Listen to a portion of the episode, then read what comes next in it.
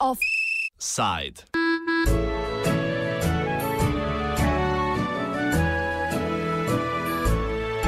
Happy birthday to Otroci slave. Happy birthday to you. Happy birthday to my Na današnji dan smo Slovenci in ostali državljani Republike Slovenije izpili 28 kapljic vina.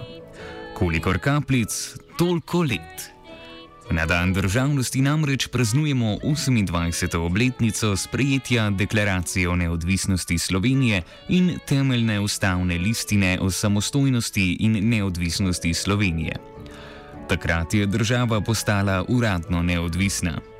Milan Kučan, zadnji predsednik Zveze komunistov Slovenije in prvi predsednik Republike Slovenije, je ob osamosvojitvi povzel sanje slovencev po samostojni državi.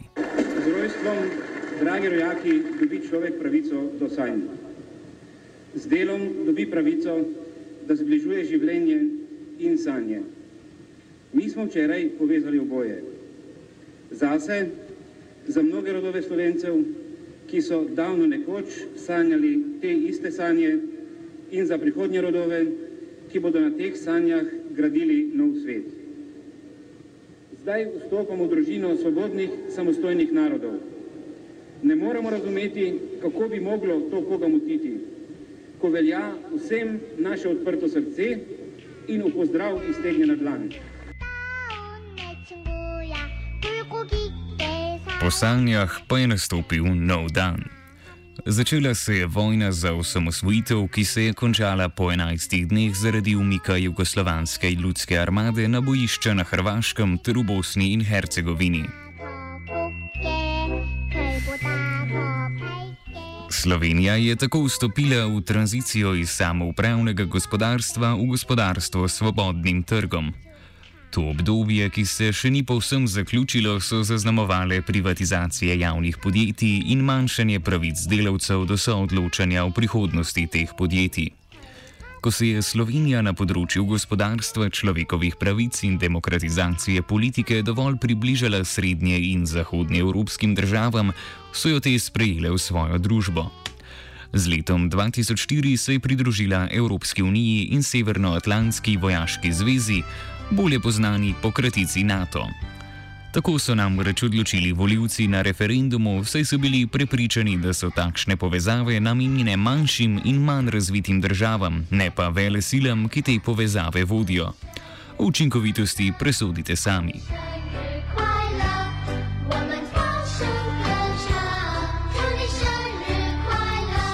Svetovna kriza konec prejšnjega desetletja je seveda dosegla tudi kraje na sončni strani Alp.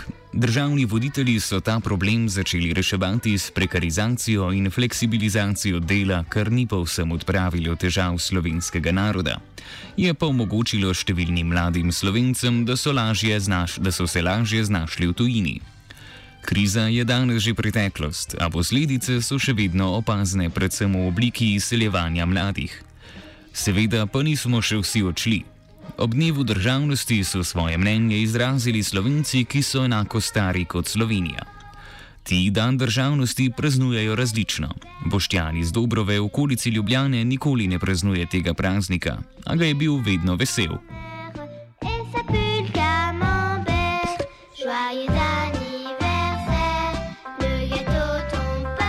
Drugače pa je v Goriških brdih, kjer tedej vsako leto izobesi zastavo in praznik preživi na kulturnih dogodkih ali proslavah.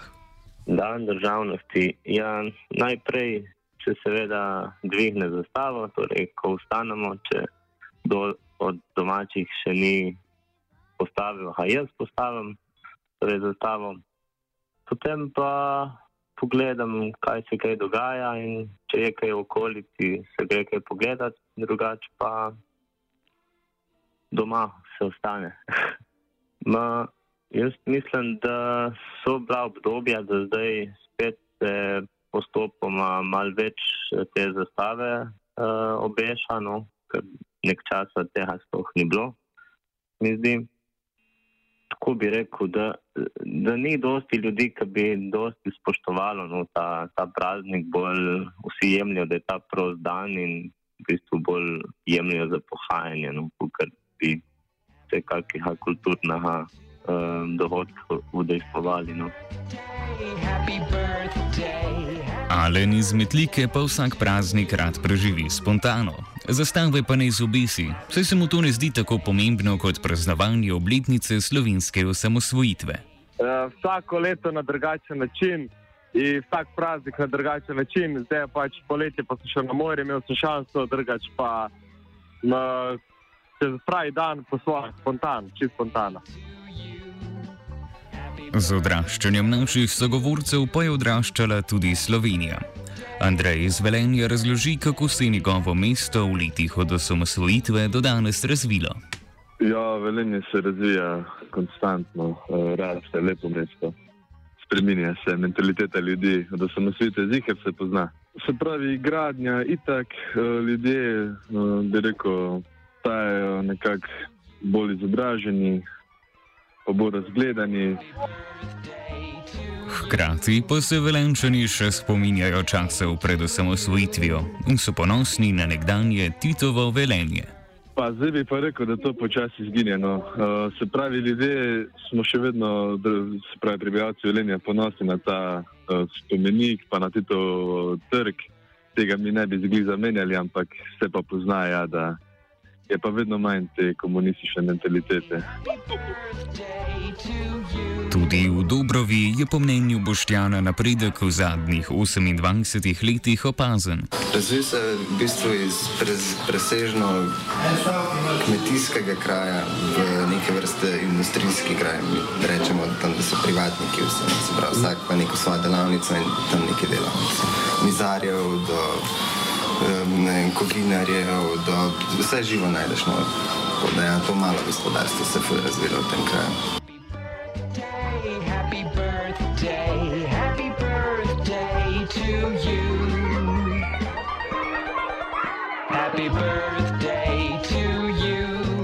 Metličani pa ne opazijo napredka, opozori Alen, a doda, da se mesto ob Kolpi v zadnjih nekaj letih vseeno prebuja.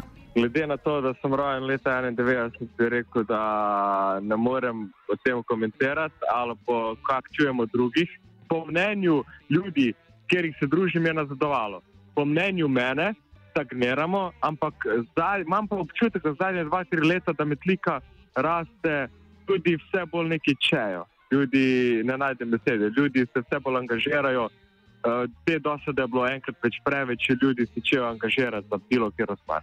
Tak imam ja občutek, da metlika raste. Težava majhnih krajev na obrobju Slovenije je zagotovo odliv kapitala, delovne sile in intelektualcev v središče. Metlika je bila namreč enako oddaljena od Ljubljane in Zagreba, kar je v nekdanji skupni državi pomenilo prednost, po samosvojitvi pa je postala obmejno mesto. Alen meni, da je pogled iz Ljubljane proti periferiji izredno nejasen. Uh, ful je megleno in enkrat, ko si ti na, enkrat, ko si ti na, na konju, pozabiš na stvari okoli sebe ne? in se ti zdijo samo umevne. Ne? In po moje, po moje je to vse snobizem. Uh, do prve vasi se naredi, pol pa itak, kaj mene briga. Ne? Ampak ko pa rabiš, ko pa rabiš nek glas, pol boš šel pa do konca sveta, da ga dobiš.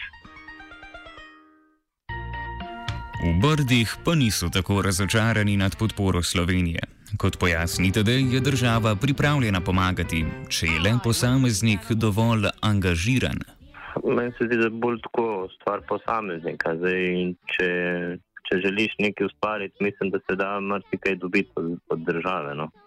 Tako da s tem lih, ne bi rekel, da, je, da, ni, da, da nima nobene podpore. Dejstvo pa je samo to, da moraš zgrebati oziroma najti, kar, kar pa ni lahko najti, kje se dobijo sredstva in kje ne. No. Tudi velenju država omogoča razvoj, dodaja Andrej. Ja, meni se vedno več, no, zdaj od, pač od leta vem, 2009, ko je bila tista recesija, pol naprej, se mi zdi, da se stvari dosti bolj obračajo. Še posebej v moji stroki, na rodarstva.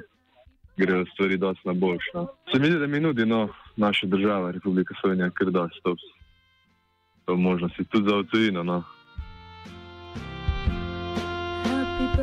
Sovrstniki Republike Slovenije so na svojo domovino veliko krat ponosni, zaradi povsem različnih razlogov. Medtem ko je Alena ogrel športni uspeh slovenskih košarkarjev na zadnjem Evropskem prvenstvu, je Boštjan ponosen predvsem na slovenski bonton in geografske značilnosti. V bistvu velikrat sem ponosen na to, da sem slovenc. Ko je morje blizu, ko greš na izlete, ko so ljudje prijazni. Kar v redu, tlepe čutim res. Tadeja pa s ponosom navdaja predvsem njegovo sodelovanje pri uspehih Slovenije na mednarodni ravni. Mm, ja, v bistvu sem enkrat uh, v, bistvu v študentskih letih no, pel v nekem v enem zboru in smo tudi dosegali neka visoka priznanja, torej tudi prva mesta v tekmovanju v tujini, tako da sem bil izredno ponosen no, na se in na Slovenijo, da lahko zastopam. Vendar pa ima tudi ta medalja dve plati. Generacija 91 je nad Slovenijo največkrat razočarana zaradi dela politikov in slabega vodenja države. Ko se recimo ne vem, politično dopušča izkoriščanje ali pa hiranje podjetij, pa take stvari, to mislim, da smo kar vsi bili razočarani. Nad slabim upravljanjem, no, bi lahko rekel za eno besedo. Najbolj razočaran Slovenijo uh, zaradi deložacije. Te stvari, te stvari pa nepravica, pa politika, pa policija, pa vse, kar ima veze z državnim aparatom. Andreja pa so najbolj zmotili rezultati na volitvah v Evropski parlament pred enim mesecem.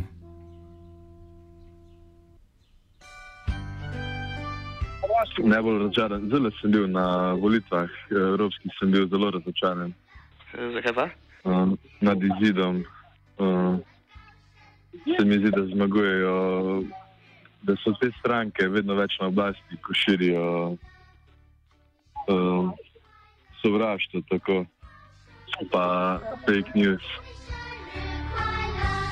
Še bolj konkreten pa je bil Tadej. On si namreč želi, da bi država omogočila lažje delovanje in življenje slovenskih kmetov. Mogoče kdaj, ko dajo kmete tako na, na zadnjo stopničko, torej mm, vsi nekako imajo mišljenje, da kmetje lepo živijo, vse ne rečem, imajo subvencije, ampak se lik mislim, da bi se lahko dalo dosti bolj jih uh, zaščititi v tem smislu, da trgovine več poslujejo z njimi, dajo boljše cene, ne pa tako minimalne oziroma simbolične. Tudi ne vem, zakaj je toliko važno, ker bi lahko Slovenija imela svoj produkt, uh, torej zemlje, mislim, da imamo dokaj zadost, ne vem, zakaj ne bi ta pridelek ohranil v Sloveniji. In isto kot naprimer glasba, no, ker je predpisano, da radio mora toliko glasbe pač predvajati, zakaj je tudi pri, pri pridelkih, pri kmetih ni tako. No.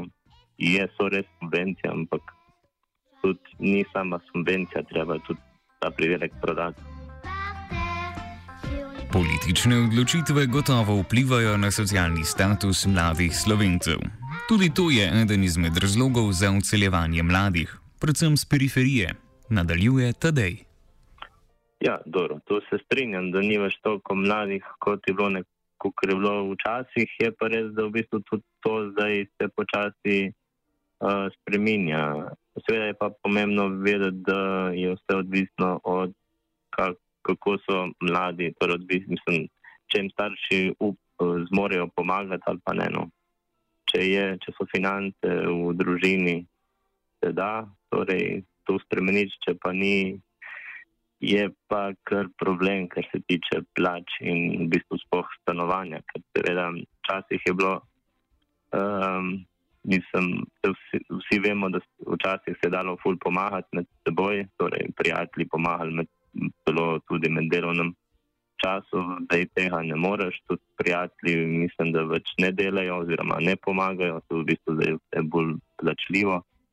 Tako da zdaj to na tak način je ogromna sprememba, torej, kar se tiče novega doma. Zdaj ni več tako enostavno, kot je nekoč. No, včasih se je lažje naredilo, res da z manjšimi zahtevami, kot sedaj zahtevajo. Alen pa težavo vidi tudi v lokalni politiki, ne samo v odločitvah na državni ravni. Mladina je, oni, ki so preširoki, je metlika za njih oska. Imáš pa ful oske ljudi, ki, metliko delajo še ful ožjo, ampak tisti, ki so široki, se navračajo več metliko, tako da metlika ne more biti neka zlata sredina, ampak se dela ožja. In pol raz rabijo taki, kot smo mi, ki ostanemo tu, pa nekako še delamo neko, nek lep pogled na svet, da niste grdo in sivo. A kljub razočaranju bodo vsi naši sogovorci ostali v Sloveniji, pojasni Alen. Ja, bom celo življenje živel v Sloveniji, ki ta ima država in meni je lepo v Sloveniji. Samo imam občutek, da okoli mene pestijo, da ljudje okoli mene pestijo težave in, in da, da ne morejo kontra toka. Ta tok so pa ljudi, isto kot mi, ki na drugi strani imajo tak pohlepe interese, da ne moreš več tega toka odplavati. Enostavno, samo še niso potrebno vsi. Republika Slovenija je po 28 letih zelo podobna svojim človeškim vrstnikom. Formalno je osamosvojena, a še vedno živi doma pri mami Uniji in očetu NATO. Je tik pred zaključkom fakultetnega izobraževanja, manjka ji le še nekaj izpitov, zaradi tega se lovi med prejšnjo in naslednjo prekerno zaposlitvijo, je vedno v dolgovih, a jih uspeva sanirati tik pred izvržbo. To ji onemogoča reden študij, zato se uči le dan pred izpitom, a takrat je zelo zagnana. Upajmo, da bo s pomočjo starševskih vez uspela pridobiti kakšno službo v javni upravi, da se bo končno lahko ustalila. Vse najboljše. Happy birthday,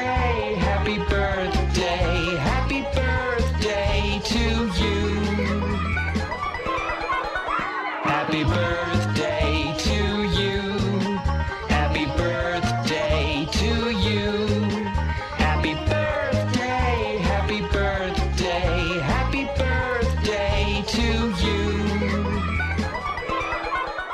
Happy birthday to you. Offside državnosti je pripravil Virant. Lep uh, praznik še naprej in živo na Slovenijo.